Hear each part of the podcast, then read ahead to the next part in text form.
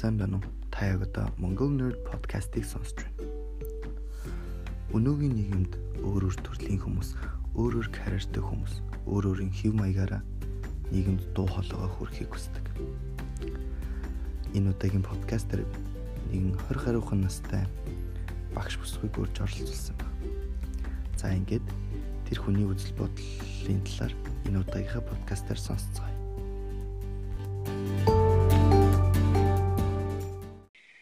Сайн байцгаана сонсогчлоо. Ингээд Mongol Nerd podcast-ийн маань энэ дугаар эхлэхэд бэлэн болоод байна. За тэгээ энэ дуудаагийн дугаар маань нэг юмар онцлог байгаа. Миний анхны зочинтой подкаст ингээ эхэлж байна. За тэгээд энэ удаагийн зочноор маань нэгэн одоо миний эргэн тойронд хүрээлдэг эмэгтэйчүүд дотроос миний хувьд одоо маш хөдөлмөрч эмэгтэй одоо миний үе тэмдэгт дотроос маш хөдөлмөрч эмэгтэй гэж би үнэлдэг нэг найзаагаа би урьж оролцуулж байгаа. Сайн байна уу? Сайн уу шээ? Хичээл ном сайн уу? Сайн сайн. За хавар болоо. За сайн хаварч гэнэ үү? Тэгэл. Урьж оролцуулсан баярлаа. Зүгээр зүгээр.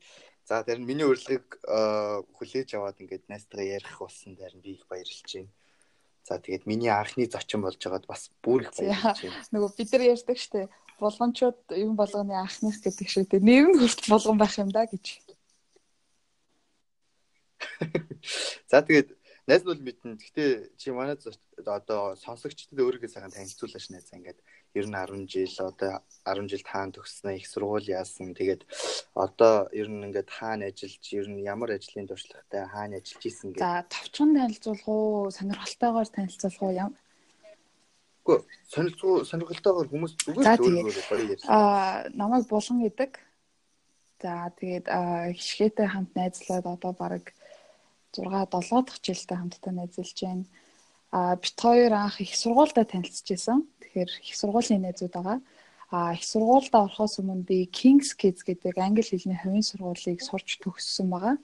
Аа энэ сургуулийн давуу тал нэг онцлог нь болохоор би энэ сургуультаа бэлтгэл ангиас хойш орж суралцаад англи хэлийг одоо шамдан дурлаж хичээж суралцаа дараа нь миний төгссөн төрлөг сургуулиас маань надаа та сургуультаа ирж багшлаач гэсэн урилгыг тавьсан. Тэгэхээр би сургуулаа төгсөөд төгсний дараа оюутан байх хугацаанд одоо тухайн үедээ бол яг сонирхлын журмаараа ингээд сургуультаа ирж бас цагийн багш идэг байсан. За тэгээд бас хажуугаар нь хичээлдээ явна. Би Монгол Улсын их сургуулийг төгссөн. Монгол Улсын их сургуулийг хятад судлал хэл шинжилгээ гэдэг мэргэжлэр төгссөн. Аа тэгээд англи хэлтэй давхар хятад хэлтэй болж яг анх ажлын байрандаа гарч ирж байсан. Тэгээд багшлах гэдэг мэргэжил надад үнэхээр таалагдсан. Одоо яг би багшлахыг сонгоогүй багш байх нь намайг сонгосон гэдэг юм уу. Тэгээд ер нь хүүхдүүдтэй ажиллах тэгээд огт юу ч мэдгүй цав цагаан цасан дээр чиний битсэн бичээсээр чиний заасан зүйлээр тэр хүүхэд тэр зүйлтэй танилцаж мэдээж аван гэдэг нь маш том урам шиг санагдсан. Тэгээд сургуулаа их сургуулаа төгсөөд үргэлжлүүлэн багшийн ажлаа одоо хүртэл хийсээр байгаа. Одоо би 6 дахь жилдээ багшилж байна. А одоо би Faro Education гэдэг сургалтын төв институтэд ажилладаг. За Faro Education гэхээр та бүхэн санаж байгаах те Idrod comedian гэж хамгийн түрүүнд санаач орж ирж байгаах. Тийм манай захирал байгаа. Манай захирал Бэмча Idrod гэх хүн байдаг. Аа тэгээд одоо энэ компанид гэр бүл болж хамтран ажиллаад одоогоор бараг жилийн хугацаа болж байгаа юм биш үү? Тий. За За тэгээд фарод ер нь бол эхлээд бол миний юу байсан шүү дээ. Тэ нөгөө 10 жилийн багш байсан. Тэгэхэд яг 10 жилийн хүүхдүүд хичээл заахад яг ямар сэтгэл төрж юу аа тэгээд хүүхдүүдээс ер нь яг ямар алдаа дутагдал эцэг эхчүүдээс ямар алдаа дутагдал харагдчих. Энийг нэг ингэж хэмсэн гэж бодож ирсэн юм. Байсан шүү. Зөндөө байсан. Аа 6 жилийн багшийн багшилсан туршлагатай хэрнээ яг ингээд ярих юм бол би айгүй олон секторт ажиллаж үзсэн бэлээ би нэгдүгээр ангийн хүүхд бэлтгэл ангийн хүүхдэд суурь тавьж утсан. Нэгдүгээр ангийн хүүхд одоо тэгээ зөв бичлэг үсгэлийн баярыг хамтдаа тэмдэглэж үтсэн дуу бүжгийн загаа дууд нь бүжиглээж явж үтсэн за тэгээ дунд анги ахлах анги ээш би CTEC сургууль бас багшилж байсан. CTEC сургууль а манай CTEC сургууль өстой нийжинсэн олон оюутантай айгүй мундаг аюулсан оюутантай би их сургууль лекц уншиж байсан семинар хичээл зааж байсан за одоо IELTS-ийн багш хийдэг тэгэхээр би яг нэгдүгээр ангийн хүүхдээс ахуулаад миний хамгийн хөгшин шав Ахмад шав 55 настай ихч байсан Тийм. Тэгэхээр одоо 6 жилийн хугацаанд айгүй их юм айгүй хурдан ингээд үдцэн гэх юм уу. Тийм. За тэгэхээр асуулт нь юмсэн шүү дээ. Хүүхдүүдээс юу ажиглагддаг байсан бэ гэд хувийн сургууль, усын сургууль хоёр айгүй ялгаатай нь ер нь ажиглагддаг л байсан л та. Яа тэгэхээр хувийн сургуулийн хүүхдүүдийн эцэг гэх нь хүүхдүүдтэй тавих анхаарлаа арай буруу хардаг юм шиг те. Одоо төлбөртэй үнэтэй сургуульд явуулдаг, гой ганган хувц өмсүүлдэг, бусад хүүхдээс дутхгүй юм мэдлж хэрэглүүлдэг л бол миний хүүхэд мундаг болчих юм шиг, боловсралтай болчих юм шиг сандаг. А гэтээ бүх эцэгчүүдийг бол мэдээж хэлээгүй. Тэр дунд бас яг хүүхдтэйгээ тулж ажилдаг, хүүхдтэйгээ ярилцдаг, хүүхдтэйгээ найзалдаг эцэгчүүд бас айгүй ажиглагддаг. А зарим эцэгчүүд нь зүгээр ингээд хүүхдээ ингээд багшд нь зөвхөн даатгцсан юм шиг харагддаг байсан. А энэ дундаас би нэг айгүй одоо хүртэл айгүй тод сандаг нэг ээж байдیں۔ Одоо тэр хүүхд чинь баг дөрөвдүгээр анги баг шүү. Төвшин болд гэд нэг хүү исэн. Тэрний ээж нь одоо нэрийн сайн санахгүй. Төвшин болдын ээжэл гэдэг байсан. Айгүй мундаг ээж байсан. Бараг хүүхдтэйгээ хамтдаа даалгаврыг хийгээд хамтдаа ярилцаад миний өмнөөс гэртээ давхар шалгалт аваад үгийн зэвжлүүлээд хүүхэд нь маш мундаг сурдаг амар бүтээлч тэгээ тэндээс би юуг ажиглаж харсан гэхээр эцэг их багш нэг баг юм байна багш ганцаараа хичээгээд хүүхэд хизээч хөгждгүй юм байна бүрэн энийг хөгжүүлэх одоо бага ангийн боловсрол гэдэг чинь зөвхөн сурж байгаа хичээл агуулгаас гадна тэр чигээрээ тэр хүүхдийн сэтгэхүй бий болж идэг. Тэр хүүхдийн ирээдүйд яаж хүмүүжих хүмүүжил суурин тавигдчихэдэг нийгэмд яаж бие авч явж оролцох бүх суурин тавигдчихэдэг энд эцэг их багш аль аль нь нэг хамт нэг баг болж ажиллах хэрэгтэй юм гэдгийг тэр ээж надад аюу мундаг ойлгуулж өгсөн. Тэгээ тэндээс жишээ аваад бусад эцэг эхчүүдтэйгээ ч гэсэн аюух би ингээд нээлттэй ярилцдаг яамаар байна, иймэр байна, хүүхдээ асуудал юм байна. Гэрийн даалгавар дээр ийм байл өнөөдөр хичээл дээр ингэж оролцлоо өнөөдөр жоохон ургар байлаа гэрт нь ямар нэг асуудал байвуу гэх мэтчлэн. Айгүй ингээд эцэг эхтүүд айгүй нээлттэй хэлцдэг болсон. Үүний үр дагавраа манай хүмүүс ч гэсэн сурлага нь айгүй урдан сайжирсан тийм тийм л аа Тэгээд найз нь бас нэг асуулт байна л да. Тэр юу гэхээр а одоо ингээд би бас сошиалор чинь ер нь айгүй олон газар уншсан л та. Ер нь тэгээд яг бодоод хад үнэн юм шиг техник технологи бүх юм хөгжөөд одоо энэ сүүлийн 100 жилд 200 жилд бүх юм л ингэж хөгжөөд байгаа шүү дээ. Гэтэл энэ хугацаанд өөрчлөгдөг нэг юм боловсролын яг систем байна л да. Одоо бидний аав ээж эмээ өвөө хэн байдгийг бүгдээрээ сургуульд юу сурдаг байсан яг адилхан юмаа сураад адилхан багшлж байгаа системтэй зүгээр тэнд нэмэгдэж байгаа юм нөгөө техник технологийн хөгжил гэдэг нөгөө нэг проектор янз янз юм л нэмэгдэж байгаа болохоос бид нэр 50 жилийн өмнө эмээ өвөгийн сурж исэн арга барилаар сураад байна гэж хүмүүс айгүй шүүмжлээд байгаа байхгүй юу? Аа тэгээд энэ дээр чи юу гэж бодож байна? Яг энэ одоо чи одоо багш хүн яг боловсролын систем ямар баймаар байна? Хүүхдүүдэд юу сургуул илүү төхөн байх бол одоо яг одоо би яг сайн мэдэхгүй л байна.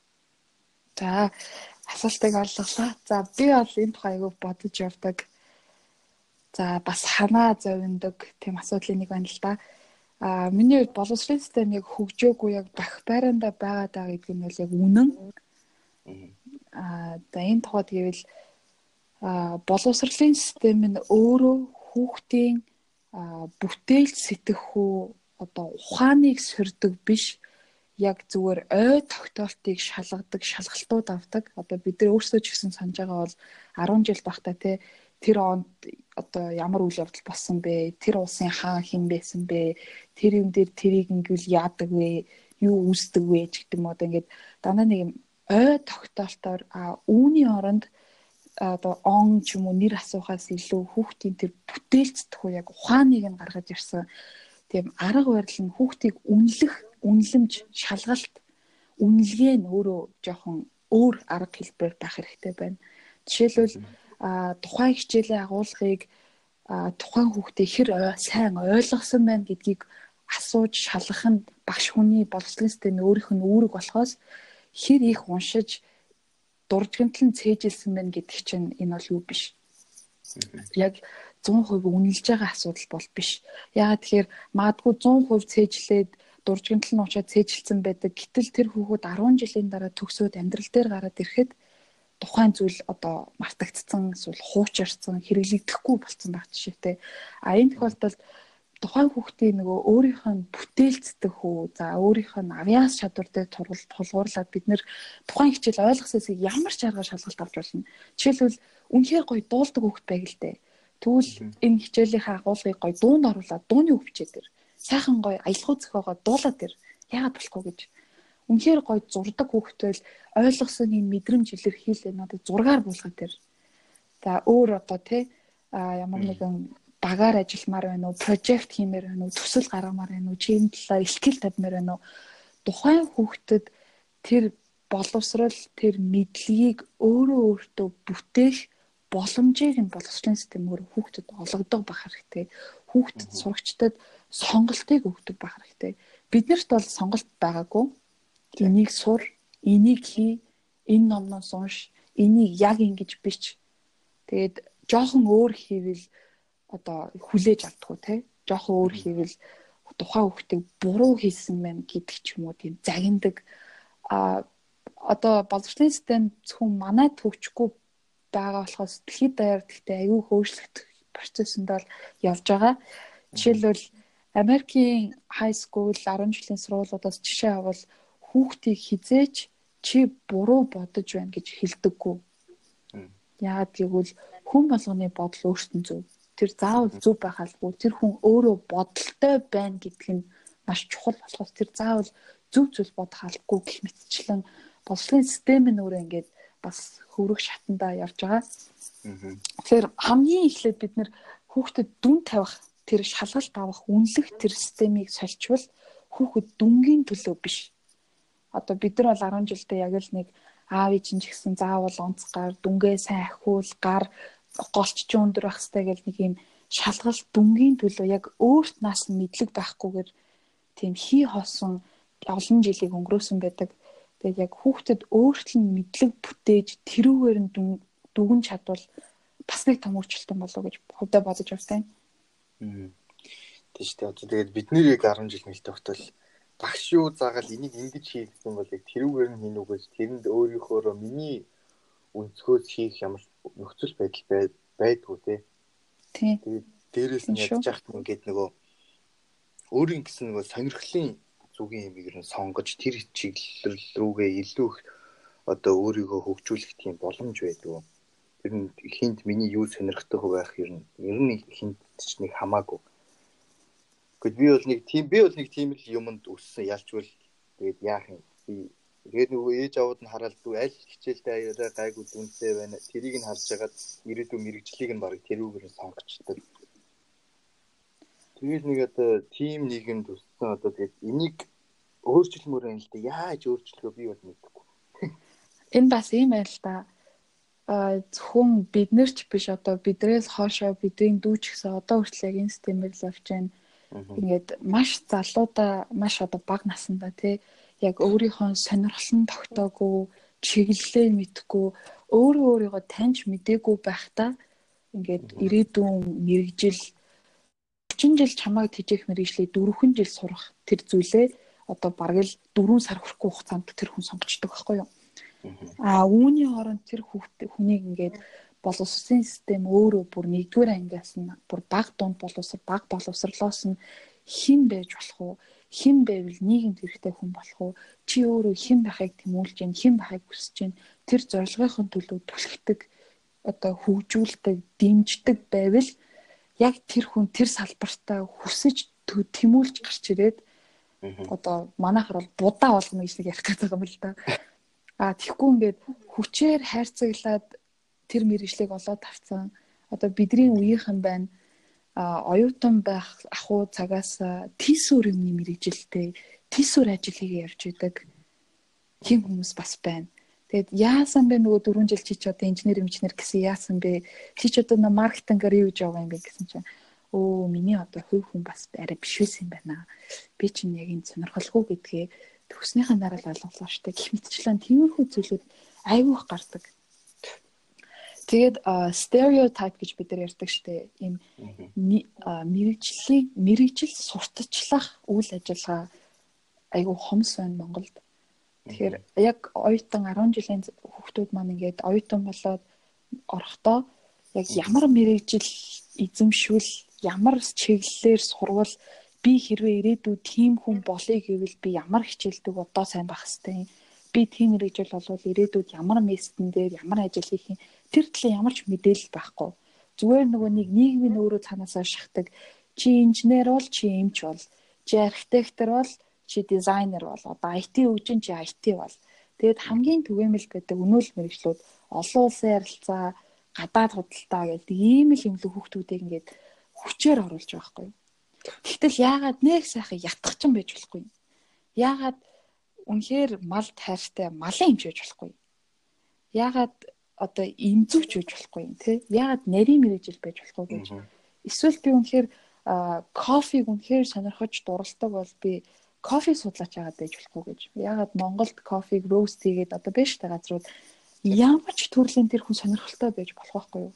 Хүн хүссэн, зорьсон, тэмүүлсэн зүйлдээ аз жаргалтайгаар нийгэм маань буцаад өөрөө ийм эерэг нийгэм болно. Аз жаргалтай нийгэм. Ажлаа хийхдээ тэндээсээ кайф авдаг. Ягаад тэгэхээр хүүхэд байхасаа зорьсон мэрэгчлээ эзэмсэн учраас тэрүүгээрээ өнөөдөр би ажил хийдэг учраас юм хийж бүтээн гэж би бол яг хүүхнийхэн зүсгээр харддаг л та. Тэгэхгүй ингээд одоо хандлагыг хараад тахад нэг өглөө болгоо нэг дуртай дургу 8 ажилдаа явна те. Тэгэл нөгөө ажилдаа сэтгэл ханамж муу цалин баг болохоор нэг юм стресстэй бухимдуу тэгэл нэг юм нэг гараас нь гарах бүтээмж бүх зүйл найгуу баг. Тэгэл ингээл нэг ажилд харах цагийг хүлээгээл ер нь манай Монголд чинь яг ажлын цагаар ажил гэдэг хүн бас бас ясаруул цөөхөн дөө. Facebook, тоглоом бас л наазгаар л наазгаар нь цайныхан цагтаа одоо хідэн ч цаг ордгийн тийм ээ. Тийм шүү дээ. Хэрвээ тэр хүн үнэхээр тэр мэржлийг сонгоод хүсээд ингээд гарч ирсэн бол тэр хүнд бүр ингээд тий тэрний төлөө зорж тэмүүлж амьдарч юм хийж бүтээж нийгэмдээ хөрөнгө оруулах байхгүй ирээдүйд. Тэгэхээр энэ бүх зүйл чинь яваанда яг суурь нь бид нар иргэн болгож бэлтгэхэд нь л байгаа. Нэгдүгээр ангидаа элсэж авахт нь л байгаа. Тийм. Энэс бол яг наадах чинь би яг ингээ айгүй боддог л та. Би өөрөө яг энэ юмний чинь бас нэг золиос үнэлтэй. Золиос гэх юм уу тий юу хин яалтчгүй тэгээд нийгмийн тим байж байсан үед тэгээд өөрөө яг 10 жил оюутан болоод гисэн. Би ч бод инженер мэрэгжилтэй шүү дээ. Нөгөөтхэнд ямар ч юу байхгүй, сонирхол байхгүй.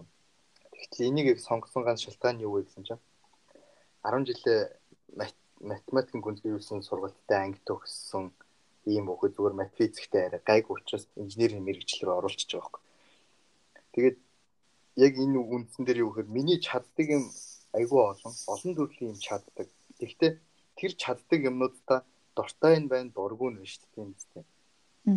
Миний үзэл бодлоор юу гэхээр хүний чаддаг юм дээрэс нь дуртай юм хоёр чинь яг нэг үндэхт огтлсон яг тэр юма хийж чадах юм бол хүн айгүй гоё ингээд пашнтай айгүй гоёор ингэж амьдраад тэр юмор амжилт гаргах боломжтой гэж би хараад байгаа байхгүй. Аа.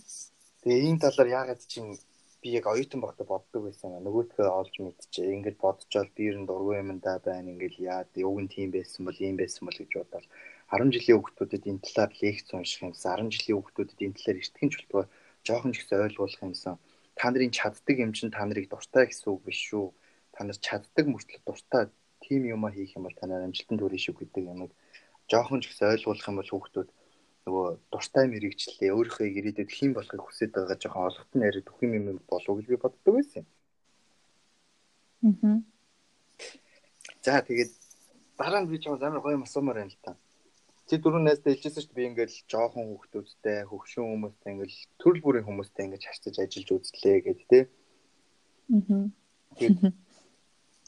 Одоо миний одоо санаагаар бол ингээд өөр өөр салбарын хүмүүс өөр өөрийнхөө одоо төрлөөр өөр өөрийнхөө одоо юу юм одоо төрөл зүйлэр гэх юм өөр өөрийнхөө нийгэмд одоо өөрийн гэсэн мессеж дуу хоолойгоо хүргэдэг гэж би боддог байхгүй. Одоо дуучид моочд бол өөрийнхөө дуунд тэр нийгэмд хүргэх гэж байгаа мессежийг хүргэдэг би гэхэд зүгээр ингээд сонирхлоор ярих туртай он подкастаар нийгэмд өөрийн хүргэе гэсэн дуу хоолойгоо хүргэдэг а би харин багш хүмүүсийг болохоор зөвхөн нэг юм хэсэгт баригдахгүй хөгшин залуу бүх төрлийн хүмүүст ингэж өөрийн гэсэн одоо мессежийг хүргэхийг зорддог гэж боддог байхгүй чи болохоор хөгшин залуу янз бүрийн хүмүүстэй харьцаж энэ хүмүүст яг юу бүлгэрлэхийг хүсдэг энэ хүмүүсээс нэг дийлэнх нэг ингэж нэг харагддаг юм байдаг дээ. Энийг нэг ийм болгочих юмсан. Энэ хүн ийм байсан бол одоо тийм дутагдлыг одоо би өөрөөрөө ингэж үлгэрлж харуулмаар байна.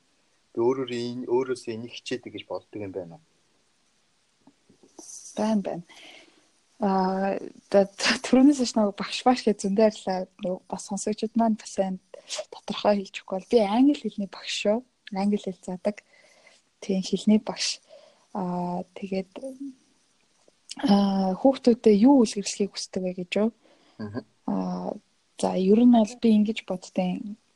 Одоо зөвхөн одоо хүм хүүхдүүд сурагчдаа ч ихгүй ер нь яг нийгэм талдаа нэг юм одоо Facebook хөгжсөн, social media өндөр хөгжсөн тэгээ бид нар ингээд хүссэн мэдээлэлээ гарын доор секундын дотор авах боломжтой болсон нийгэмд хүмүүс ингээд юу ч мэдэхгүй мэдлэгтэнгүүд болцсон байна. Ийм мэдээлэл пологцсон хэрнээ яг тэр сэдвэр нь за хойлоо тэгвэл тулаад юм ярих гэхээр яг юу ч мэддэггүй. Буюу хүмүүс уншихаа болцсон байна. Хүмүүс сэтгэхээ болцсон байна. Яг нэг юм нэгэн тууш, нэгэн жигд урсгалын тэр медиа мэдээд пологцсон Тэг ингээд ямар ч мэдээ мэдээлэл ямар ч ингээд зүйлийн тухай ярьсан тэр хүн тийм ерсөө сэтгэлийн хөдлөхөөр хүлээж авдаг. Оо би мэдэн штэ. Би над чинь сонссон штэ. Аа пирамид уу би мэдэн штэ. Аа Бермудын гурвалж нь би мэдэн штэ. Аа Avengers уу би мэдэн мэднэ.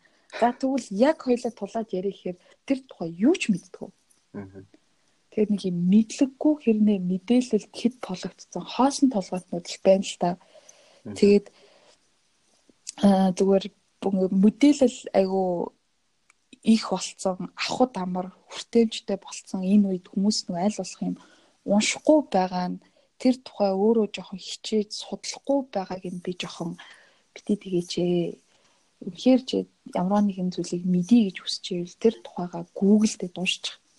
Хэн бицээ, ямар гарал үүсэлтэй, яадгийн, өөрийнхөө төстэй ямар жишээ байдгийг Монгол тэгвэл яадгийн, гадаадад яадгийн зүгээр болоо ороод уншчих. Зүгээр л Facebook-ийн хүмүүсийн бичсэн элдв постоос хамаагүй дээр нэгдүгээр чиний хэл сайжрна. Хоёрдугаар чи тэр зүйлийг үнэхээр мэддэг гэж дараа нь чи хүнтэй ярихад ичих одоо ингээд ичихгүйгээр ярьж чаддаг болно те. Тэгэхгүй ингээд нэг юм өнгөц дандаа юмд хандаад аа эсвэл нэг амар хилтэй юм шиг зүжилдэг ч гэх юм уу те. Нэг жоохон өөртөө одоо хэрэгтэй байлахаар цаг хугацаагаа илүү өв бүтээлтэй өнгөрөөгөөч л гэж яг уриалгахыг хүсдэг юм да. Тэгээд би бас нэг өмнө нөгөө соёлын талаар би нэг подкаст хийсэн бохгүй юу? Аа. Хүмүүст өнөөдөр яг ингээл бидний яг яриад байдаг соёл соёл соёл гэл хүн болго энэ ч соёлгүй орк моркор дууддаг гэрнэ хүн болго яг тийм соёлтой байж чаддаггүй шүү дээ нэг тийм ядаргаатай хүмүүсийг ингээл гудамжинд хогоо битгий хаяаж гэж хэлж байгаа хүн нь өөрөө эргээд гудамжинд хогоо хайдаг жишээ нэ. Аа ингээл төгжрлээ мөгжрлээ энэ өстө орсол сураад өстө нэр эсвэл игнэ байраад үг эзлэхгүй гэж загиндаг мөрчлөө өөртөө яг цагаат тултаар тэгэж байдаг юм хүмүүс байдаг. Чи өөрөө хэр соёлтой хүн байд болгаа. Би би өөрийгөө соёлтой гэж боддог шүү дээ. Гэхдээ тэр соёлтой гэхээрэл оо гадуур хооллохдоо л зүгээр өвдгөн дээрээ салфитыг дивсээд л халбах сэрээгээ яг ном журмаар нь байрал цомцоод сууж байгаа өнгөрсөн хүн болгонтэй тохиод толгой тохиж мэдлэн гэсэг утгаар агуулгаар биш л дээ. Зүгээр соёл гэдэг ойлголт нь өөрөөр боловч яг өнөөгийн нийгэм бидэрт хамгийн тулгамдаад байгаа хэрэгтэй зүйл нь соёл гэдэг нь зүгээр л бусдад садаа болохгүй байх бол хамгийн том соёл. Хэрвээ чи ямарваа нэгэн зүйлийг хийх гэж зорж байгаа бол хин нэгнээс тусламж хүсгүйгээр чи өөрөө хий. Чамд асуудал байгаа бол өөрөө шийд. Тэ? Чамд хэцүү байвал тэрийг өөрөө гаргалгааг нь олчаар өөрөө судал ир яв тэмц зүгээр манайхан жоохон бэлэнчлэх гээд нэг тийм бусдад нэг тийм дараа болдог юм шиг одоо бид нар ингээд сайн мэдэн штэ а айл болгоод нэг хамаатан гэдэг шít манаа тэр тэгчлээ манаа энэ гिचлээ ийм ч юм өгөөч гэл энэ бол өнөө бидний нөгөө яриад байгаа соёл гэдэг зүйл тэг бид нар нэг дуртай дургу эхлээд туслана тий 2 3 туслаа дараахаасаа ингээд хүмүүс дургу болж эхэлж байгаа байхгүй. Тэгэд ямар хэцүү юм бэ гэх мэтчлээ. Яг үүнтэй адилаар ажлын байран дээр ч гэсэн хэрвээ чи нэг зүйл хийж байгаа бол бусдад цадаа болохгүйгээр өөрөө хий. Бусдад төвлөрөөд сууж байхад бусдад битэж хангаж садаа бол эсвэл бусдын анхаарлыг татах гэж битээ оролд. Хэрвээ чи идэж уусан бол тэрийг өөрөө цэвэрлж бусдад битээ дараагийн энэ төр ширээн дээр орж ирэх орж ирж суух хүн битээ одоо нерв ингээд стресс дараа бол зүгээр хувь хүн болон өөрөө өөрийнхөө проблем өөрөө өөрийнхөө зорилго тэмүүллийг өөрөө л хариуцдаг болж. Зүгээр дөөнд хинт ч битээ садаа бол. Тэгвэл энэ бол хамгийн том соёл. Энэ бол хамгийн том соёл. Би бас өнөөгийн яг ингээд соёл гэдэг юм дээр бодглохлоор аа цаг баримтлах гэдэг юм амар том соёл гэж бодод байгаа байхгүй. Цаг баримтлах гэдэг нь аа хин нэгний цагийг хүрхгүй байх бас нэг тийм багш хүнтэй уулзъя гэж болцдог юм ямар нэг юм төлөвлөчөөд тэр цагийг барихгүй байдаг. А эсвэл хүнтэй цаг болчоо тэрнээсээ хоцордог хоцордог. Ер нь манайх ер нь цаг баримтал дээр айгу муу шүү дээ. Монголчууд. Айлч газартаа харьцуулсан хинтэж бодсон. Чи хэр цаг барьдаг? Би би цаг байх гэж их хичээдэг. Маш их хичээдэг. Гэхдээ бас угаасаа өндөг шиг өөг өн гэж байхгүй хоцрох үе байлгүй яах вэ байна. Гэхдээ мэдээж хоцорсон бол би заавал уучлалт хүсдэг тий. Уучлаарай ингээд хоцорчлоо. Жишээлбэл ганц хоёр хичээлээсээ хоцрох үе ч гэсэн одоо байсан. Тэгээ багш нь яж бас хоцрох үе. Айгүй надад өөрөө айгүй прешэр ирдэг байхгүй юу. Тэр үед нь яг зам дээр түүжрэл үүссэн эсвэл тэ хоёр машин мөргөлдсөн янз бүрийн асуудлаас факторс бол хоцорч болно. Тэгээд яг тэгдэг байлаа ч гэсэн хоцорч болно тий. Нэгдүгээр бусдад өөрөөсөө шалтгаалж хүндрэл очруулсан бол уучлалт хүсдэг байгаад тэндээсээ суралцаад дахиад хоцрохгүй байвал тэр бол тэгэл соёл. Аа тэгээ баярлалаа. Уучлаарай. Уучлаарай. Баярлалаа гэснээс нэрээ баярлалаа уучлаарай гэдэг үг хэрэг ашигладаг. Ер нь баярлалаа уучлаарай чинь бас амар том соёл шүү. Тийм үстэй хүнд талархад сурах, хүнд төвөг үзснийхаа төлөө уучлал хүсэх, тэг хүний гомдоосон бол уучлалт хүсэх юм уу? Айгүй олон төрлийн юм байгаа шүү дээ баярлалаа уучлаарай ер нь хэрэг ашигладаг. Энийг ер нь хүмүүс л ер нь бол би бол Монголд одоо хүн зүгээр ингийн соёлтой зан гаргаад хүн зам тавьж өгөх, хаалга онгойлгож өгөх гэх мэтчлээ айгүй жижиг жижиг юм зүйлүүд төр соёл гаргадаг боловч эргээд хүнээс би баярлалаа гэдэг үг олон сонсдгоо. Хүнд ингээд өөр санаатай санаандгүй байдлаар ингэж одоо хүнийг мөрөгдөх ч юм уу ингээд хүний урд дураар ямар нэгэн нөхцөл байдал үүсгэчихэд тэрнээс уучлаарай гэж уучлалт өгдөг хүн ч их айгүй цөөхөн байдаг байхгүй гэж ажиглаад байна. Аа. Тэгээд яг энэ тал дээр За баярлалаа уучлаарай гэж би бол өдөр тутам амьдралдаа бол байн хэлдэг. Гэр бүл дотроо ч хэлдэг. Одоо манай ээж, манай дүү бид нар хоорондоо тий нэг юм зүгээр аваад өгсөн бол баярлалаа. Чи ингээд өгчих гэвэл араас нь заавал please гэдэг юм уу сандаа илдэг байдлаар харцдаг. Аа тэгээд би хамгийн гол энэ асуултан дээр яагаад баярлаа гэж хэлэх ёстой, яагаад уучлаарай гэж хэлэх ёстойг жоохон тайлбарж өгч ямаар л да. Яагаад энэ үеийг яагаад ашиглах ёстой юм? А international mindedness гэж нэг зүйл байна. А энэ нь болохоор энэ нь заавал чи олон орноор аялаад гадаад дотоод яв гэсэн үг биш. А international mindedness гэдэг нь юу хэлдэг вэ гэхээр за нэгдүгээр тусдас хадаа болохгүй бай гэсэн шүү дээ. Хоёрдугаарт а хүнийг хизээч яг тухайн моментээр нь одоо жаж жаж шүүдэггүй шууд тулгаж харьцдаггүй жишээлбэл а одоо би нэг хөшүүн хүнтэй таарсан байж болно тэр хөшүүн хүн гээд над руу амар уурлаа загнаад магадгүй тэгтэл тэр хүний яг тэр үе зүрхэн өвдөө дэлсээд тэгсэндээ над руу ашгарсан байж болно шүү дээ би тэгэл тэр нэг та яасан бүдүүлэг ингэж мэгэл өдөөс нь хэрэлдэхин оронд уучлаарай Тэгэл тэр хүн тайвширч байна. Зүгээр international mindedness гэдэг зүйл нь бусдыг ойлгохын нэр юм болов. Бусдыг ойлгох. тэр хүнд юу ч тохиолдсон байж болно. Одоо ингээд дарга захир одоо ажилчин захирал хоёроор жишээ авахад ажилт нь ажил дээр ирсэн чинь дарган загнаа л да. Чи өөртөө хаашаа ажлын хариуцлага галтлаа малтлаа эний тэрэ хоцорч ирлээ мэрлээ. Гэтэл өмнөх оройн тэр ажилчны нөхөр нь гэртээ оройтож ирээд гэр бүл асуудал үүсээд чүнжэнгөө нойргүй хоноод хүүхд нүглээ халуураад ирсэн байхыг бид нар мэдэхгүй байхгүй юу. Тэгэхээр хүнийг шууд тухайн моментээр нь жаж хийхээс өмнө эхлээд ийдэг байх. Эхлээд тэр хүнийг те чамд юу тохиолдсныг би мэдэхгүй. Гэхдээ хоёлаа юм одоо ингээд дийл хийя. Хоёлаа ингээд шууд хурцтмалаар биш ийдгээр би бинтэйгээ авья гэдэг үг бол уучлаарай баярлаа юм шүү дээ. Ер нь бол жишээлбэл а би энэ дээр яг нэг зүйл жишээг дурдмаар байна. Анх энийг international mindedness хүн хүн болгон хүн тэр хүн юу тохиолдож байгаа, юуг туулж авч байгаа бид нар мэдэхгүй ч гэсэн а энийг яг ингэж ойлгож мэдэж авахаас өмнө зохиолч юм уу чин танаа тооны нэвтрүүлгээр нэг гарч ирсэн. Яг энэ тухай ярьж ирсэн. Миний хүү хичээл дээрээ муу авахар би загиндаггүй хүүгээ. Тэг би бодож байгаа байхгүй. Ягаад тэгэхээр яг тэр үед бидний аав ээж өөрсдөө яг тэр нийгэм нь ингээд те муу авсан бол ягаа муу авч байгаа чи нэг гэдэг үе байсан байхгүй юу. Тэгээ би яагаад энэ ээж хүүгээ загиндгүй болоо гэж бодсон чинь аа би хүүгээс эхлээ асуудаг энэ хүү яасан яагаад муу авсан ангийнхантайгаа муудалцсан юм уу? Багш чинь чамайг загинцсан юм уу? Эсвэл те сайн найз чинь чамайг гондооцсон байсан юм уу? Эсвэл миний хүү тэр үед өнсөөд анхаараагүй юм уу юу болсон би эхлээ хүүгээсээ мэдхийг хүснэ. Дараа нь би ярилцаад хүүтэд тайлбарлаад асуудлыг хамтдаа шийдэж өгөөд би тэрийг сонсоод би ингээд вау бүр ямар мундаг хүн бэ? Ямар гоё ээж вэ? Бүх ээж юм байгаасаа, бүх аав юм байгаасаа гэж тухайд бодож байсан байхгүй юу? Тэгээд энэ бол яг тэр нөгөө нэг бусдыг ойлгох одоо шууд шүүх биш бусдыг ойлгох юмд төвчээртэй хандах бусдыг бас би давхар аргадаад байна штэ ийдэг үгээрээ уучлаарай баярлаа гэж хэлдэг үгээрээ Тэгэхгүй би бас яг тухайн эмоцоор тэр хүнтэй харьцуул. Тэр хүн ч гэсэн яг тэгэл харьцна.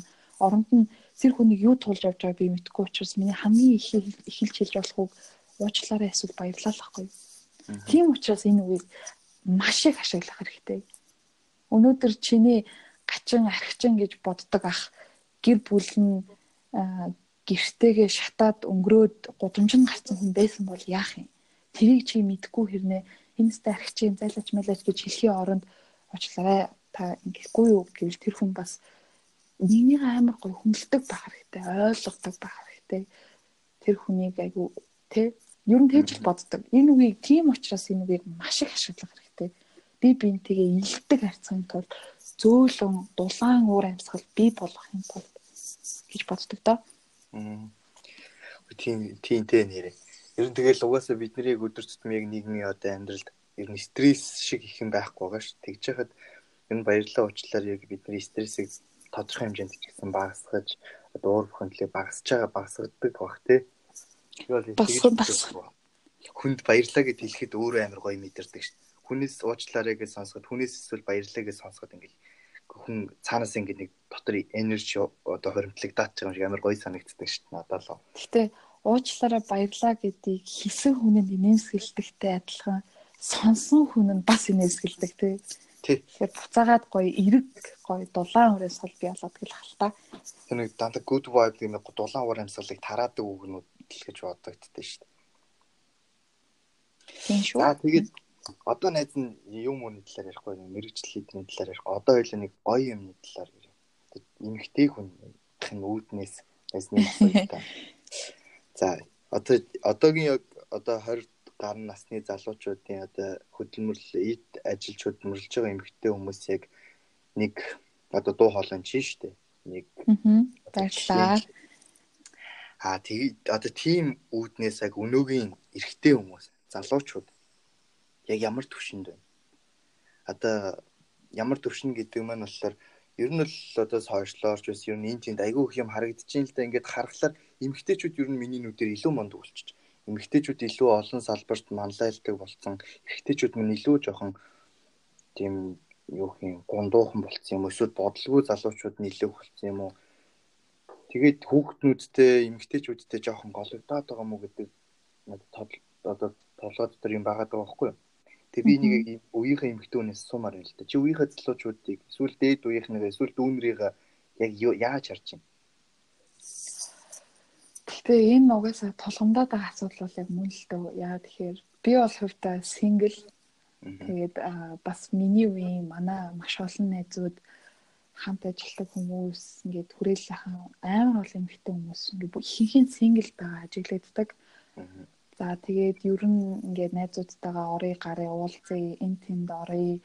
Тэгээд лонж дандаа эмэгтэйчүүд сууж байгаа харагддаг. Эн тэнд вайн шимцэн ч юм уу ингээд найз нөхдөөрөө ер нь дандаа аль аль салбарт эмэгтэй хүмүүсээ илүү дийлийнхэн байгаа харагддаг. Жишээлбэл би нэг fancy ресторанд ороход дийлийнхэн эмэгтэй л байдаг. Яг нэг хэлэхэд найз охтуудаараа сууж байгаа охтууд ч юм уу те.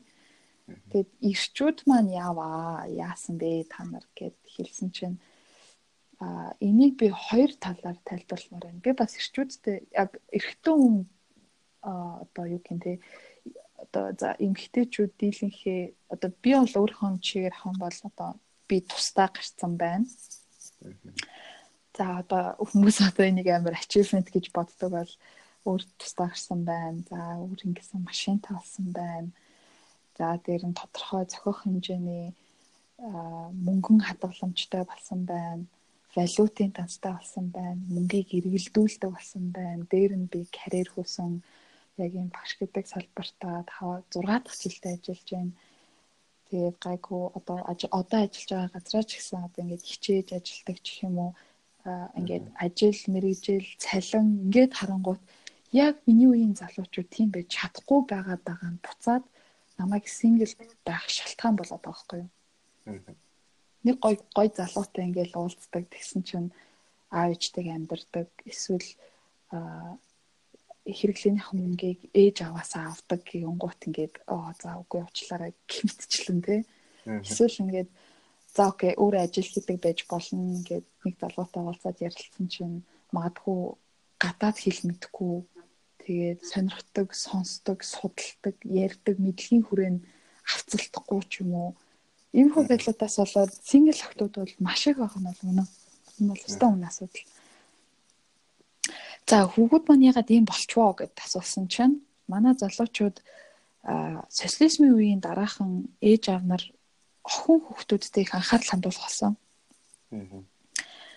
Ер нь бол миний өнөөдрийн яг ийм мундаг байгаа нь яг миний өөрийн мундгийнх биш зүгээр миний аав надад маш их анхаарал тавьсан, маш их хайртай багаас минь намайг үдий зэрэгт олгож бэлтгэсэн учраас би мундаг байгаа гэж өөрөө боддог. Тэгэхээр яг 90 хэдэг яг 90 он гараад те 80 онгорууд яг 90 он гараад Монгол айлууд маань дандаа юм охтууд руугаа чиглэсэн. Ингээд одоо айлд хоёр эрэгтэй эмэгтэй хөлт байлаа гэхэд охиныгоо ихтэй зургуулж явуулаад хүүгээ миний хүү яах вэ болно малын шиг буй байхад болно ч гэдэг юм ингээд охтуудтай их анхаарал тавьсан нь одоо ингээд 20 20 30 жилийн дараа яг нийгэмд ийм том зааг бий болгоцсон байхгүй юу охтууд нь боловсралтай болцоод байдаг. Охтууд нь карьер хөгцсөн байдаг. Тэгтэл яг залуучууд нь дүүцэж ирдгүү те. Бас тэр статистик мэдээ байсан л та. Сүүлийн 5 жилийн хугацаанд хитэ зургуул төгссөн оюутнуудын бараг 60-аас 70% нь эмэгтэй хүмүүс байна гэдэг. Тэгээ хөвгүүд хичээлдээ сурж агаад сургуулаа хаях магадлал нь айгүй өндөр. Ягаад тэгэхээр ар гэрээ авч явдаг, ажил хийх, мөнгө олох шаардлага гардаг ч гэдэм үү те. Ингээд нөгөө охтуудтай маш их кэр тавьсан учраас энэ заг бас үүссэн. Тэгэхээр бид яг бас манай залуучууд яа учраас гэж бас хэлж болохгүй гэж би боддیں۔ Яг тэгэхээр зөвхөн охтууд бид нэр азтаахгүй юу? Аав ээж нар маань биднийг маш сайн харилсан, маш их дэмжсэн учраас бид нар юм мундаг байгаа.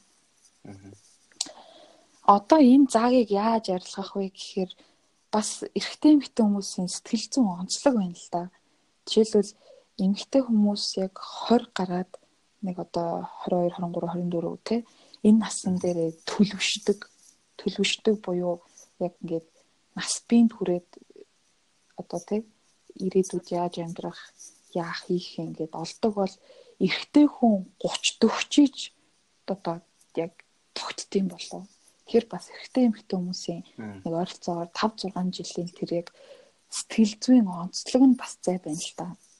Одоо эрэгтэй хүмүүс жоохон хүүхэд чигээрээ яваад идэг гэх юм уу ер нь бол ингээл олон хэдий ингээд том болсон том том залуучууд ч гэсэн ингээд дотроо ингээд яг тийм амьдрал дээр нухлагдахад бэлэм шиг те. Хэдүүлээ хөл бөмбөг тоглоё хэдүүлээ жоох нэг юмар цоо явж кино үзье гэл нэг юм. Нөгөө хүүхэд чигээрэл байдаг. Арай нөгөө нэг тэгж тогтоогүй байдаг яг эргэтэн 30 хүрээд за одоо л би нэг хийх хэрэгтэй юм байна. Би энийг төлөө явах хэрэгтэй юм байна. Би амьдралаа ингэж харах хэрэгтэй 5 жил 10 жилийг би ингэж төлөх хэрэгтэй юм байна. Гэдэг бол эмгэгтэй хүмүүс арай их тэрийг хийцэн байдаг байхгүй тийм болохоор бас цаг үсээд байна. Гэхдээ тэгээд бас тэгээд яг уу бас бүгд бас юм биш л дээ тий. Аа бүгд бас биш ээ биш. Гэхдээ бас нэг бас нэг бүгд 20 20 настай дэ бүгд ухаангүй нь бас биш. Тэгсэн мөртлөө 30 гараад бүгд ухаан суудсан хүмүүс бас биш байгаад байгаа байхгүй. 30 гарсан хүүхдүүд айгүй их байгаа шүү дээ эрэгтэй хүмүүс дотор. 30 гарчаад нөгөө бас л нөгөө хариуцлага хүлээгээд бэлэн биш хариуцлагаас цугтаадаг эрэгтэйчүүдээс ээгөх байдаг. Миний таньдаг, мэддэг, хардаг одоо ингээд ахаа махаа гэж боддог хүмүүс ч гэсэн тийм хүмүүс ээгөх байдаг байхгүй. Тэгээд одоо нөхдүүдийг ингээд яагаад ингээд нэг жоохон бодож болдгоо юм бол ирээдүгөө төлөвлөж болдгоо юм бол ер нь бол 20 гараад ирээдүйн 5 10 жилийн ойрын хугацааны болон холын хугацааны төлөвлөгөөгөө өөртөө гаргаад тэрэндээ хүрэхэд юу хийх хэрэгтэй вэ гэх тэрийг ингэж төлөвлөх хэрэгтэй байх гэж би боддог байхгүй юу. Тэгэхэд тэрийг дийлэн хүмүүс хийдгүү. Харин яг хүүхнүүдийн хувьд тэр хийцэн байдаг байхгүй. Дийлийнх нь ер нь одоо ингээл эмгтэй эрэгтэй хүмүүс адилхан боловсрал аваад эхэлдэг болсон байхад эрэгтэй хүмүүс дондор нэг самилт ихтэй. За нөгөө PC шоу ингээ ингээл нэг эмгтэйчүүдийг бодвол тийш нөгөө шумбаж нөгөөтгөнд автах магадлал өндөртэй болсоо тэгэл нөгөө амьдралаа өмөртчдөг нь дийлийнх нь байдаг учраас бас юм болцсон болов уу гэж миний өнцгөөс хараад тийм би нөгөө нөгөө би ч өөр эмгтэй шүлэр нэг эмгтэй хүмүүст яаж анхаарлаа хандуулж эмгтэйчүүд яаж мундаг болоод байгааг би яг тэдний өнцгөөс харж мэдэхгүй. Эрэгтэй хүмүүсийг яаж яагаад муу болоод байна, яагаад мяа болоод байна гэдэг талаас өөрийнхөө өнцгөөс харахаар эрэгтэй хүмүүс сатаарах юм их байдаг. Аливаа юмд ингээд одоо үеийн дийлэнх залуучууд ялангуяа аливаа юмд хариуцлага хүлээх чадвар маш муу болсон. Хүний өгч сонсох чадвар их муу болсон байдаг. За тэгээ булга боломжтой бол ойрын хугацааны болон урт хугацааны төлөвлөгөө байвал танилцуулаач. За урт хугацааны төлөвлөгөө. За би бүр амар хинтээч яг яг энэ миний мөрөөдөл зорилго гэж хуваалцаагүй зүйлээ шууд ярих гэж бодлоо. Миний урт хугацааны зорилго Монгол улсын боловсролын системийг одоо өөрчлөх биш юмаа гэхэд ямар ч л байсан хувь нэмрээ оруулах гэж боддог. За энд магадгүй би их олон жил хүч хөдөлмөр, судалгаа, хичээл зүтгэлээ зарцуулах бах. Тэгээд би өөрөө багшийн гэр бүлийн миний эмээ Монгол Улсын гавьяат багш, доктор профессор хүн, миний эмээгийн аав нь бас багш хүн гэд удам таньсан багш хүмүүс. Тэр ер нь багш гэдэг одоо яг Монгол Улсын хэмжээнд боловсролыг жоохон өргөөд өгвөл амар их ахиц гарах гэдэг юм санагдав. Энэ бол миний бүр хитийн алсын бүр маш том зорилго. Аа. За миний ойрын зорилго гэвэл а одоо дараа жил би мастер хийж байна. Аа. Шанхай хотод мастер хийж байгаа. Боловсролын менежмент гэдэг мэргэжлэр мастер хамгаална.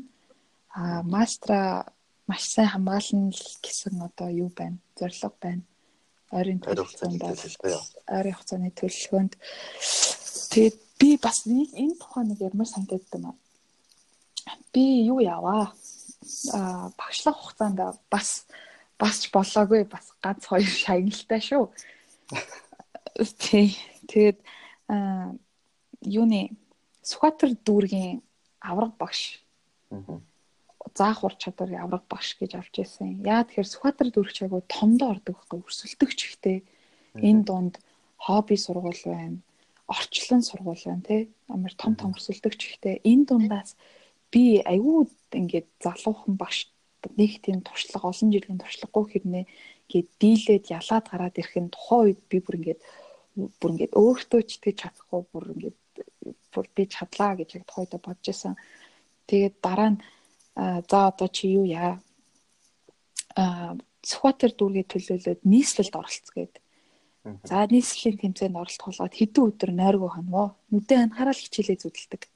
Хүүхдүүдтэйгээ ингэж мэдлэн самбар дээр ингэж чинь ийм нас олдсон, ингэж ажилуулна, ингэж багаар хийлгэх юм гэл. Өөрөөсөө бүр баг өвчин тус гаралцсан. Бүр нойргоо хэд хоног зогдлоо сандраалдаг шалгалт нь алах гээд байдаг. Тэгээд дээрэс нь би чинь бүхэл бүтэн Сүхбаатар дүүргээ төлөөлөхөд оролцох гээд байдаг нийслэлийн хэмжээнд За тэгээд оролцоод за одоо дүүрч алдуулалдаг надад сурамж болно. Даалтхан байх ш надад тэгэл одоо сурсан мэдсэн хичээсэн бодсон бүхэл юм хичээл дээр гаргалаа. Тэгээд яг хичээлийн 40 минут бол сүүлийн яг минутын дээр би гэрээний даалгавраа өгөөл байсан чи нэг хүүхэд гараа өргөж байна.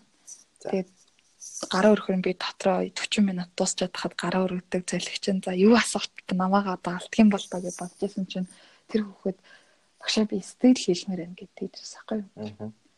Тэр заадаг гэдгсэн чинь багшаа та манай ангийг сонгоод тэр миний хизээч харж байгаагүй зааж байгаагүй тэг би яг тэр өдрөн шууд сэдвээ суулгаж авч хичээл басан тийм уралдаан болдог. Яг дүүргийн 9 авраг багшийн одоо 9 10 багш л оролцдог л да нийтлэл. Аа. Тэгээ заадаг гэдгсэн чинь та манай ангийн сонгоод ийм гоё хичээл зааж өгсөн танд үнэхээр их баярлалаа. Багш би ийм гоё хичээл сууж үзэж байгаагүй. Гээл тэгсэн чинь миний ингээд цээжин дотор ингээд нэг өмрөөл онцсон. Бүр ингээд нулимсны цэлэнд гээд тэг би ингээд за баярлаа гэдсэн чи хүүхдүүд алгаа ташаад би тэр ангиас гараад би булан тойроод 0 орол биш үү гэсэн. Тэгээд ингээд миний ингээд бодож байгаа байхгүй юу? Хувийн сургууль, усын сургууль хоёрыг ямар их ялгаатай юм бэ? Зүгээр хувийн сургуульд үздэг одоо тий. Хувийн сургуульд одоо байдаг ир одоо арга маргуудыг усын сургуульд хаа тэр хүмүүс түнхээр шинэлэг хүлээж авч байгаа байхгүй ямар гоё хөрөө чөлөөтэй нээлттэй ингээд баригдахгүй яг чихсүү нааша хав гэхгүйгээр чөлөөтэй оролцдог ямар гоё юм бэ? гэж Тэг ингээд заа окей хувийн сургууль усан сургууль хоёрын хооронд ийм хялгаа байт юм гээд бодож дуусаагүй байтал би дараа нь дахиад хөдөө орон нутгийн сургуулийг би бодож байгаа байхгүй юу. Тэгвэл одоо би усын сургуультай хөдөө орон нутгийн сургуулийг харьцуулаад үзэх юм бол тэднэрт бүр хөөх ямар гоё юм бэ гэж бодогддог бах та гээд ингээд чатанд нь харсан чинь манай боловсрын систем үнэхээр дорого юм байна. Үнэхээр дорого юм байна. Тэгэд ардын хүүхдүүдийн сурдаг сургуулийг одоо манай мундагуд манай дээр байгаа хүмүүс төдийл оошоодаггүй, дэмждэггүй, асуудал нь хаана байна шийдий, хамтдаа хий бүтээ гэдэггүй. Магадгүй өөрсдийнх нь хүүхдүүд нь бүгдээрээ үнтэй сургууль, төлбөртэй сургууль, гадаад дотоод сурдаг болохоор тэр байх л да. Ядаж хөдөө орон нутгийн сургуулиуд, улсын сургуулиуд хоёрын хоорондын заагийг алга болгомоор байна. Тэгээ хүүхэд хаана төрж өснөөрөө ялгуурлагдаж ялгаатай чанарын ялгаатай боловсрол эзэмших ёсгүй штэ. Хөдөө төрсөн байлаа гэд муу боловсрол эзэмшин гэсэн тэр ойлголтыг л халмаар байна одоо. Тэгээд ер нь энэ салбарт хөгжүүлэх хийх юм маш их байдаг. Аа тэгтээ хүмүүс яг багш гэдэг мэрэгжлийг аа яг багшлыг хүүхдүүдэд юм заар бүтээ сургая гэдэг мэрэгжлийг хүн яг тийм бүр зорж хүсэж сонгодог хүн нэг байдаггүй. Аа Яа тэгэхээр Монгол улсын хэмжээнд багшийн үнэлэмж нь өөр айгу доогуур цалин бага гэдэг тийм нийтлэг ойлголттой. Тэгээд одоо муугар ярих юм бол яэшээ өгөөд фейлдсэн нь мобист орж ийн гэх юм уу та. Босоо оноо бага, шаардлага нь бага, тэ цензур нь бага. Тэгээд буцаа ажлын байран дээр аваад маш бага цалин авдаг, хийгийн лизэндээ өгдөг. Яг багш нь насан цалингийнхын хэмжээнд одоо одоо амьдралаас би хангалттай одоо баталгаагүй ажил хийдэг тэрэндээ тааруулж стресстэй хүүхдүүдэд тэгж хандаг хичээлээ тэгж заадаг ингээд эргэх холбоондоо өөрөө ийм зүйл ингээд тэр чигээрээ ямар нэгэн байдлаар шинжилэлт хөв нэмэр ингээд өөрчлөлттэй болчиход байгаа юм л да. Тэгэл тухайд бодож байсан.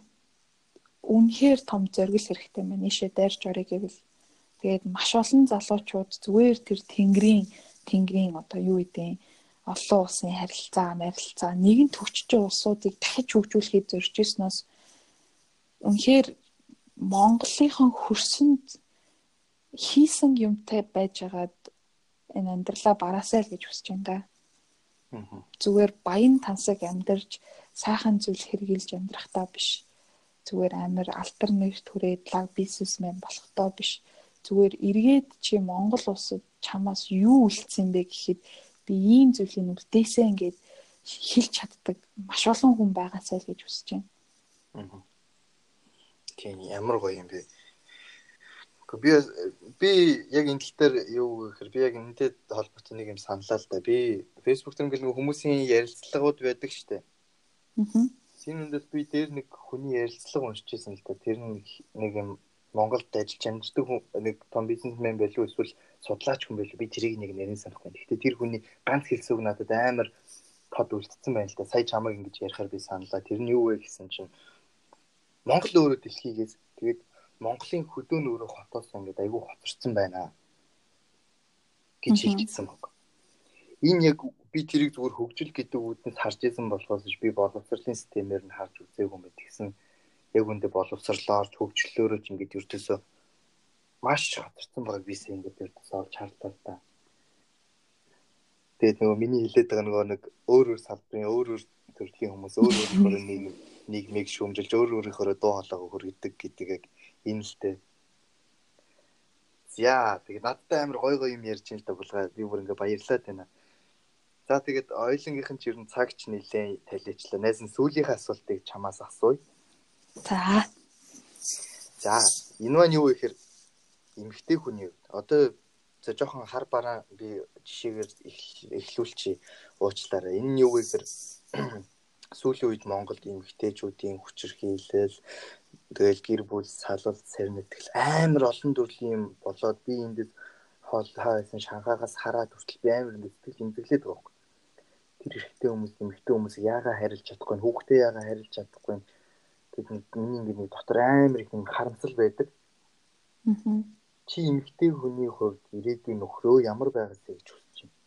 Ирээдүгөө ямар байгаасаа гэж чиг энийг төлөө өөрөө юу хиймээр байна Сүүлийн асуулт байна. Жохон хүнд асуулт байж магадгүй. Гэхдээ эмэгтэй хүн учраас энэ талаар жохон бодолтой байдаг байх гэж би бодож байна. Энэ бүхэн дээр имзэглээд дотроо өөр ингэсэн би ирээдүйн нөхрөө ийм байгаасаа гэж хүсдэг. Ийм амьдралыг би хүсдэг, ийм амьдралыг би цогцлоомоор байдаг гэсэн нэг өөрийн бодол байгаа байх гэж найсан бодож байна. Аа.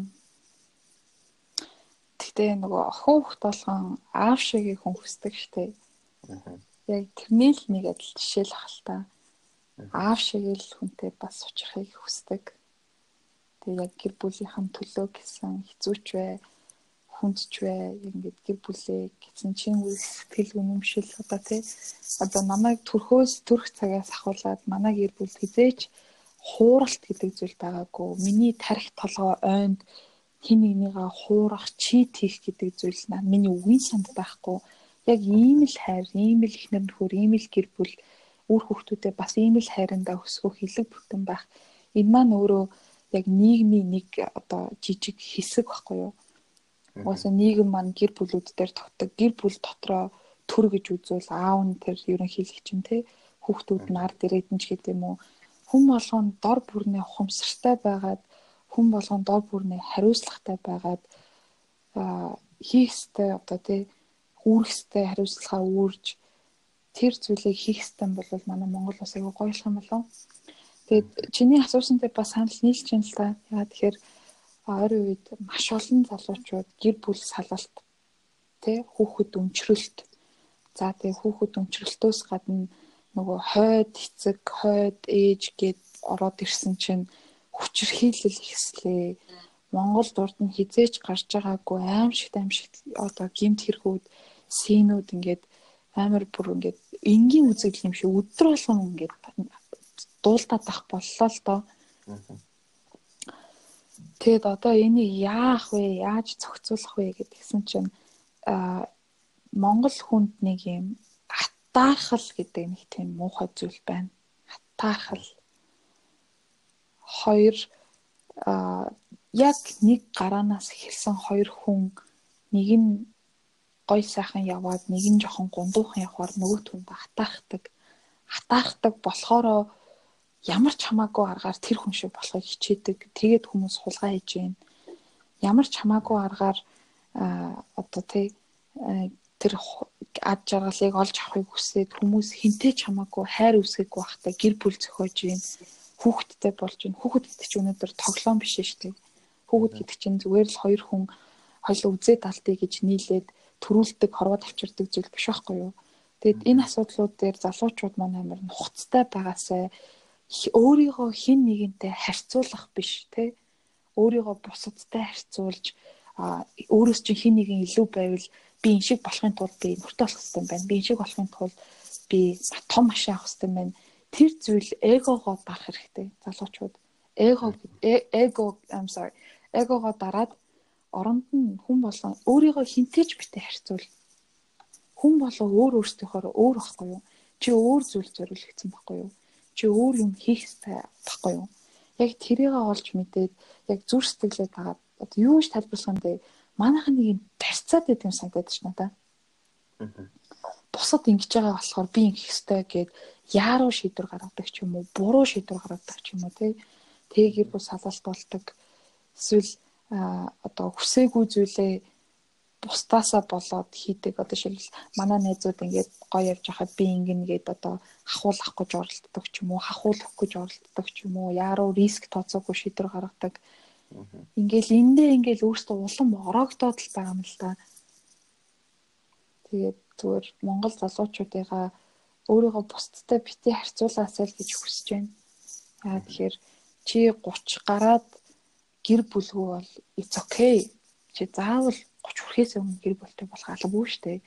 Чи өнөөдөр 27 8 хүрээд одоо сургуулаа хараахан төгсч амжаагүй бол бас болоогүй л байна. Заавал одоо 20 эдтэйгээ төгссөн байх албатай ч бас биш. Зүгээр яг өөрөө өөрийгөө бусдтай харьцуулж барьцаж яаруу шийдвэр гаргахаас бас их үүдж байгаа юм болов уу гэж бодогдоод идэм л та. Ер нь булга гэр бүл хэр төлөвлөж байна? Яг тэрийг л мэдэх гээд л аяга асуугаад байна да тэгээ. Би тэрийг л асуухад би ирээдүйн нөхрөө яг яах гэж айгу яг тэр талаар нь асуусан тэгээд яг миний би 2 3 асуултыг нийлүүлээд асуусан л да. Тэгээд нэг талаар нь харуулчаа нөгөө нөгөөдг юм маань хайцсан л та. За ер нь бол би хувьдаа за энэ миний хувийн бодол зарим хүмүүс таалагдах ч таалагдахгүй ч би эмэгтэй хүн гэр бүлийн 40%-ийг үүрч авч явах хэвээр эрэгтэй хүн 60%-ийг нь үүрч авч явах хэвээр гэж боддог. Аа тийм болохоор одоо би амьдралынхаа 40%-ийг босгож ирнэ гэвэл 60%-ийг босгож ирэх үед тийм альфа одоо юу гэх юм тийм боловсралтай за тэгээд ухаалаг тийм ноён нуруутай алсын хараатай гүндүүгүү нэг тийм нэг сайхан хүн байдаг дээ нэг танаа найз шүү. Тийм хүн байгаасаа гэж хүсдэг. Тэгээд бас тий тодорхой хэмжээний ирээдүйд гарах эрсдлээ тооцоод би заавал одоо одоо найз залуугаа ч юм уу нөхрөө баян байхыг хүснэ гэдэг чинь жоохон материалистик үзэл болчихж байгаа байхгүй. А би бол тодорхой хэмжээнд тий хадгаламжтай ингээд бас финансийн чухлыг ойлгоцсон тий эрсдэл тооцдог, ирээдүйн амьдралаа тооцоолдог тийм хүн байгаасаа гэж хүсдэг дээ. За за. За тэгээд найстаг өнөөдөр их гоё ярилцлаа. Баярлалаа. Надад ч гэсэн үнэхээр сайхан байлаа. Аттай ингээд цаг гаруй ярилцсан байна. Тэгээд миний урилгыг хүлээж авсан маш их баярлалаа. Тэгээд хүмүүс нэг тодорхой хэмжээнд бас бид нар бүгд багш биш бид нар бүгд дууч биш бид нар бүгдээрээ ярьдаг хүн биш бид нар зарим нь сонсогч бид нар бүгд өөр өөр төрлийн хүмүүс учраас а олон талаас хүмүүс ингэж нийгмийг хүмүүсийн харж үзэл бодлыг сонсвол надад бас илүү сонирхолтой байх юм болов уу гэдэг үүднээс би олон төрлийн хүмүүсийг ирээдүйд подкастэнд оруулна гэж бодсон. Тэгээд эхлэн чи байлаа нэ за. За тэгээд подкастын сүүлийн мөчийг найздаа үлдээ.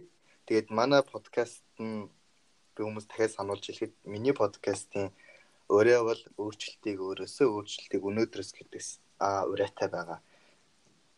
За ингээд сүүлийн хормыг найзтай байлаа яа.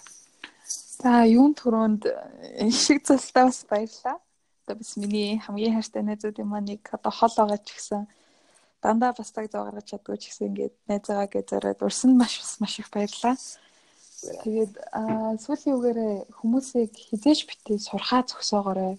Хүн хизээж сурахад оройтдгүй шүү.